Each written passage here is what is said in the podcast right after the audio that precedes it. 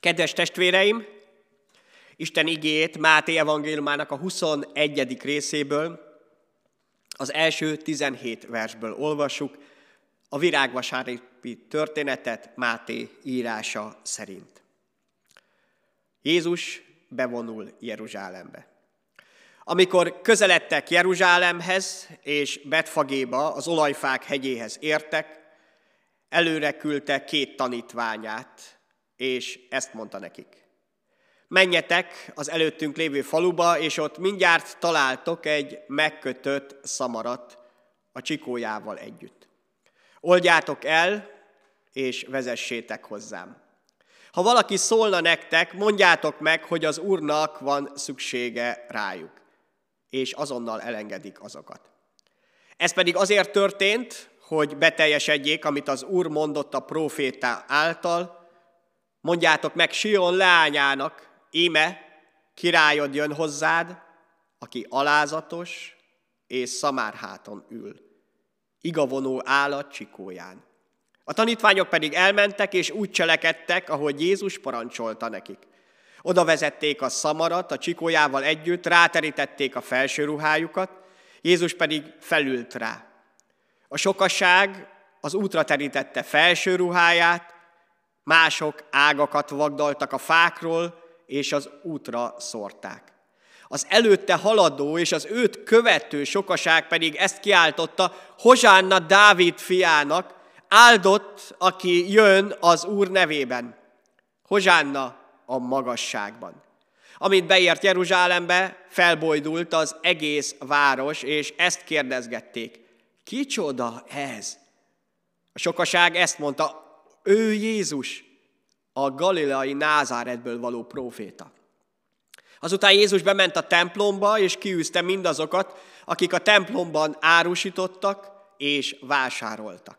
A pénzváltók asztalait és a galambárusok székeit pedig felborította. És ezt mondta nekik, megvan írva, az én házam imádságházának nevezik, ti pedig rablók barlangjává teszitek.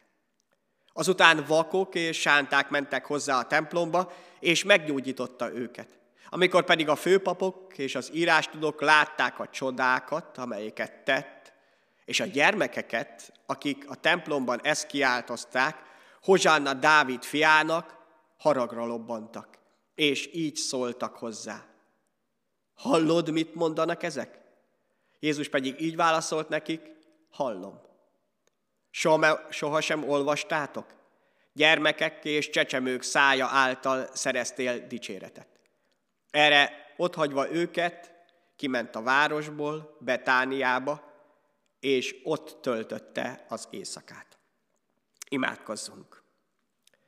Menjél, édesatyánk, áldást kérünk most a Te igédre, amely a mennyből való. Áldást kérünk, hogy legyen fülünk és szívünk arra, hogy megértsük annak az üzenetét. Szeretnénk kérni a Te szent lelkedet, hogy tárja föl előttünk a Te üzenetedet. Hogy személyesen megérthessük azt, amit nekünk szólsz, nekünk üzensz. Köszönjük neked azt, hogy az emberi szavakon túl te tudsz beszélni hozzánk, velünk. Áldott legyél ezért, és tedd meg most is az ígéretet szerint. Az Úr Jézus Krisztus nevében kérjük ezt. Amen. Kedves testvéreim és barátaim, egy csodálatos alkalom mindig a virágvasárnap ünnepe. Még egy teljes hét a feltámadás győzelméig. De micsoda hét ez? A nagy hét. Mi minden sűrűsödött össze néhány napban. Hihetetlenül izgalmas, és ráadásul nagyon is lényeges. Az evangéliumok harmada erről az időszakról tesz bizonyságot. Elérkezett a mennyei atya szabadításának beteljesedése. Olyan ez a hét érzelmileg, mint egy nagy hullámvasút. Egyszer fent, egyszer lent. Beleszédülünk. Engedjük meg, hogy most Isten szent lelke vezessen végig bennünket ezen az utazáson. Ő biztos, hogy a menny felé fog bennünket vezetni. És soha, de soha ne szálljunk ki Isten tenyeréből. Mert egyedül, egyes egyedül ott van biztonságban az életünk. A lelki hullámvasút egyébként az életünk része, hiszen a halál árnyékának völgyét, a félelem lehelletének szorongató érzését egyszerűen át kell élnünk ahhoz, hogy azt is meg tudjuk tapasztalni, hogy az Úrnál van az igazi megoldás. Hogy azért nem félek, mert ő velem van. Hogy tapasztalhatnám meg, hogy Isten mindig velem van, ha csak jó időket élnénk át. Ha nem lenne sohasem nehézség, ha sohasem lenne járvány körülöttünk. Igenis, szükségünk van arra, hogy ezekben az időkben valóságosan átéljük, még érzéseinkben is, hogy az Úr velünk van. Igaz, hogy az érzéseink tényleg váltakoznak. De szükségünk van arra, hogy ő mindig mellettünk legyen. És ez nem rajta múlik. Ő ezt megígérte, hogy velünk lesz minden napon a világ végezetéig. Ez a mi hitünktől függ, hogy ezt átéljük, megértsük, és naponta gyakoroljuk ezt. Ő tud felemelni és kiemelni, de soha ne ad fel a benne való bizalmat. Ezt a hetet talán éppen a gyümölcsfa virága tudja legjobban példázni, hiszen virágvasárnap van, beszélhetünk erről. A virágvasárnap a magasztalás, a dicsőség, a dicsőítés pillanata, ugyanúgy, ahogyan a virág is olyan megunhatatlanul szép. Minden egyes szírma. Mindig újból és újból. Ezért szeretjük a virágokat. A szépség azonban csak az első lépés mindig a gyümölcs felé. A virággal kétféle dolog történhet. Amennyiben nem porózódik be, teljesen el fog halni. Nem lesz belőle semmi, csak egy szép emlék. Ha ellenben megterménykenyül, akkor is el fogja veszíteni a szírmait, a szépségét, mint minden virág. De elkezdődik valami emberi szemmel először szinte láthatatlan, de aztán valóságosan látható folyamat, a gyümölcstermés ideje. Ez nagyon hasonló a földbe vetett maghoz is, hiszen ott is pontosan valami ilyen történik. Ez a változás az elején láthatatlan, de idővel gyümölcs lesz belőle. Ez a virágnak az újjá születése. Vasárnap szépsége, dicsősége nagyon hamar elmúlik. Még egy nap, és már csak emlékezhetünk rá. Azoknak, akiknek a szívében nem történik valamilyen mennyei csoda, a szent érintése, az ige megtermékenyítő ereje, azoknak tényleg csak egy szép emlék maradhat. Akiket azonban elér a mennyi üzenete, térdre rogyasz, térdre kényszerít a szent jelenléte, és befogadják az igét, azoknak az életében új élet kezdődik. A lélek gyümölcs termésének az ideje. Ez egy hosszú és nehéz út. Ez Jézus követése. Ez az, amikor ott él a szívemben, vele együtt élem minden pillanatomat, betölti az otthonomat, az életemet, a terveimet, a gondolataimat, és közben pedig átformál. A lélek, a szent lélek temploma lesz a testem. Miért vonultak ki Jézus elé az emberek az első virágvasárnap? Azért, mert hallottak egy nagyon fontos hírt, ami előtte soha nem volt így hallható. Jézus feltámasztotta Lázárt, az eltemetett és elgyászolt embert a halálból. Ez egyértelmű és letagadhatatlan mennyei jel volt. Az ige azt írja, hogy a sokasság, amely vele volt, amikor Lázárt kihívta a sírból, és feltámasztotta a halálból, most bizonyságot tett mellette, mármint Jézus Krisztus mellett. Nincs igazi hit feltámadás nélkül. A hitünk nem azért van, hogy itt a Földön legyen egy bankunk az élet nehézségeinek az elviseléséhez. A valódi hitünk a mennyig ér fel. És igen, Jézus Krisztussal kezdődik, és az atyában ér véget. Ennek része a feltámadás csodája. És azért beszélhetünk már virágvasárnapkor is a feltámadásról, mert Jézusban ezt már átélhettük. De akik akkor követték Jézus, akkor mentek előtte, utána, körülötte, azokat is a feltámadás szólította meg, azért voltak ott. Át kell élned a feltámadás csodáját, hogy Isten feltámaszt téged is a halottak közül. Mit is mondott Jézus? Bizony-bizony mondom néktek, hogy eljön az óra, és az most van, amikor a halottak hallják az Isten fiának a hangját, és akik meghallották, élni fognak. Isten jelenléten nélkül csak élő halottak vagyunk. Itt élünk a Földön, de hiányzunk bennünk, belőlünk a mennyei élet. Az az élet, amelyet Isten egyébként eredetileg nekünk adott, amely része volt az ember életének. És erre szükségünk van. Ezzel együtt lettünk megteremtve. Amíg ezt nem kapjuk meg, amíg nem éljük át, amíg nem a miénk, addig hiányozni fog mindig valami az életünkben, amit itt a Földön megpróbálunk annyi mindennel pótolni. Mert egyébként sok csoda, sok csodálatos dolog van itt a Földön, amit szintén az Istentől kaptunk, de egyik sem pótolja. Sem az emberi szeretet vagy szerelem. Sem a természet csodái.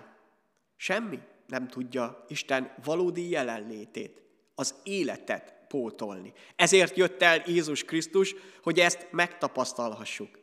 Ha átéltük azt, hogy mit jelent Jézus Krisztussal együtt élni, hogy feltámadtunk a lelki halálból, és vele együtt élünk, akkor tudunk hitelesen beszélni elől. Bizonságot tenni arról, hogy ő jelen van az életünkben.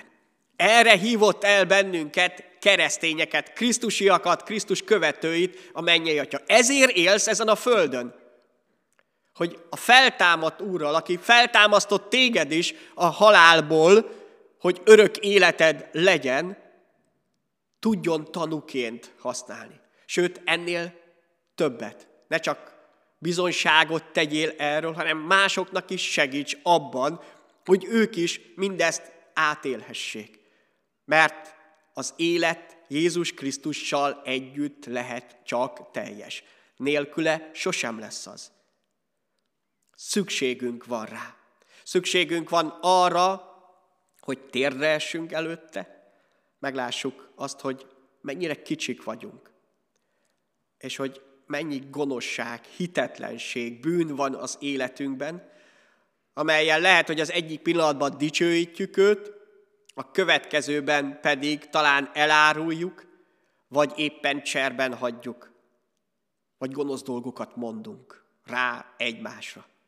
Ott van a szívünkben ez a gonoszság, és szükségünk van arra, hogy valami megtisztítson ebből. Hogy valami jó jöjjön végül mégiscsak ki. Olyan, amit csak Isten szent lelke tud elvégezni. Erre hív bennünket a mennyei atya. Hozsánna, ezt kiáltották. Mindazok, akik őt követték. Hozsánna Dávid fiának. Segíts meg! Talán ez egy kicsit másképpen hangzik, mint az, hogy Hozsánna. Pedig ezt jelenti. A segíts megből a Hozsanna magasztalása lett. A 118. Zsoltár 25.-26. verséhez lapozva rájöhetünk arra, hogy innen idézték, ezt alakították át mindazok, akik Jézust köszöntötték. De ha ezt a Zsoltár idézetet elolvassuk, ott nem találjuk meg ezt a kifejezést, hogy hozsánna. Csak azt, hogy segíts meg. Hiszen szó szerint a hozsánna ezt jelentette. Mert ott lefordították. Az Isten fele szívből jövő kérésből mindig dicsőítés lesz. Amikor hálaadással tárod föl a kéréseidet az Isten felé, tudva, hogy ő az Isten, aki megsegíthet, akkor ebből dicsőítés lesz. Ez nem szégyen, hogy tőle háladással kérünk, hanem az egyetlen helyes út. És igen, érdemes ehhez a 118. Zsoltárnak az elejét is megnézni. Hogy is kezdődik? Adjatok hálát az Úrnak, mert jó, mert örökké tart szeretete. Ez a Zsoltár tele van hálaadással. És ebbe a háladásba van bele csomagolva a hozsánna. Segíts meg, Uram, mert te tőled származik minden segítség. Te tudsz kimenteni bennünket a félelmeinkből, te tudsz reménységet és jövőt adni számunkra. Mert mi ott utazunk azon a hullámvasúton, de te a hullámvasút ura vagy. A mi életünknek az ura. Így lesz a háladással kimondott kéréseinkből dicsőítés. Így tud felemelni bennünket még egy kérés is, amit Isten felé viszünk háladással a mennyhez. És igen, ez dicsőítette Jézus Krisztust is. Hozsánna a Dávid fiának, aki már nem csak egyszerűen egy Názáretből jött próféta volt, hanem a Dávid fia, a király, aki megérkezett. Igen, a király, aki az úré hiszen a 118.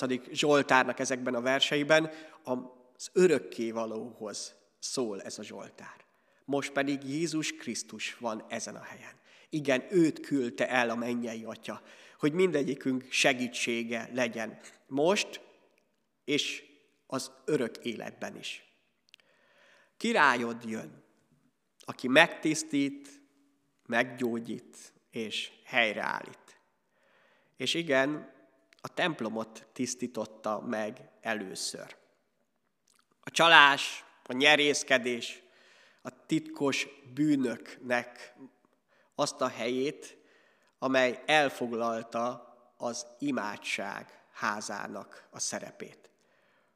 És itt most nagyon fontos elgondolkodnunk azon, hogy Jézus Krisztus, a király, a királyok királya, az uraknak az ura, most hova fog bevonulni az életünkben.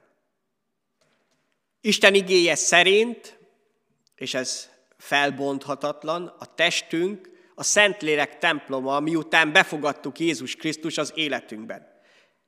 Az új ászületés csodájával Isten jelenléte valóságá lett bennünk, nem csak mellettünk, közöttünk, nem csak másokban, hanem a saját életünkben.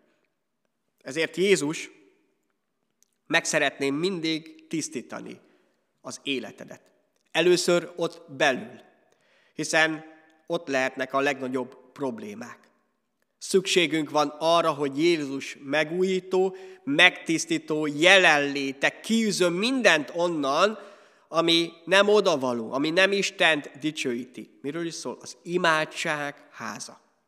A te tested is az imádság házának kell lenni, Jézus Krisztus jelenléte miatt, a Szent Lélek valóságos jelenléte következményeképpen. Az imádság háza. Minden, ami gátolja azt, hogy Istennel naponta és folyamatosan élő kapcsolatban legyél, ki kell vetni az életedből, az életünkből.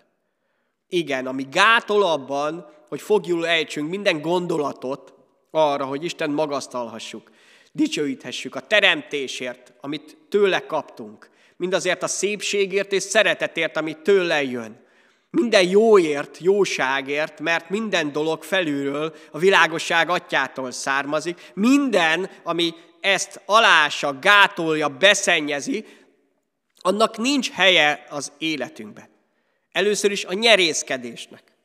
Annak, hogy a hitet bármikor is üzletnek gondoljuk. Hogy valamit adok, egy imádságot, és utána Isten kötelezően majd megsegít engem. Itt nem erről van szó. Itt egy élő családi kapcsolatról, egy szülő és egy gyermek kapcsolatáról. A mennyei atya és Jézus Krisztuson keresztül az én kapcsolatomról. Itt arról van szó, hogy hogyan tudom jól szeretni az Urat, és hogyan tudom megélni, hogy ő mennyire szeret engem. Ez nem üzlet. A szeretetnek ez a minősége, ez nem pénzben mérhető. Csak beszennyezi bármiféle üzleti gondolkodás. Egyszerűen ez az Isten jelenlétének a helye. Az imádság háza.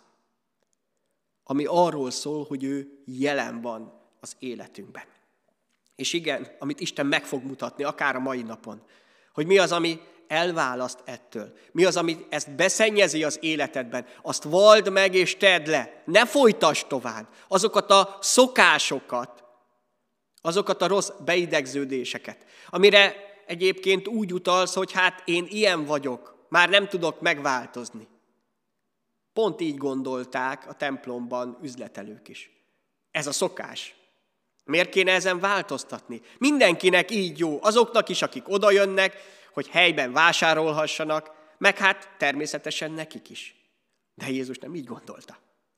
Ezt sürgősen meg kellett változtatni, mert az imádság kárára, Isten jelenlétének a rovására ment. Azt tette tönkre, az életünkben sem tűrhet meg semmit, nem tűrhetünk meg semmi olyat, ami ezt teszi tönkre. Ki Jézus?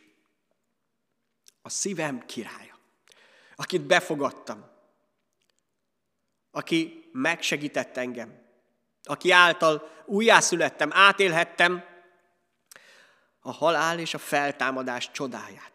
Benne és a saját életemben is. Ő az, akit ünnepelünk ma. Ő az, aki most is jelen van a Szentlélek által. Hol van? Itt, az életünkben. Vagy éppen, ha még nincs a te életedben, akkor ez az a nap, amelyet az Úr rendelt, hogy behívjad őt, hogy segítségül hívjad. Ha pedig ezt megtetted, úgy vagy itt közöttünk, úgy vagy itt ezen az alkalommal, hogy Jézus a tiéd, akkor ünnepeld őt, dicsőítsd őt. Legyen az életed teljesen az övé. És igen, virágvasárnap van. Ez az ünnep, amely megmutatja Isten hatalmát és csodáját. Azt is, hogy hogyan készítette elő a feltámadás csodáját. Mint egy virágot, amelyből később gyümölcs lesz.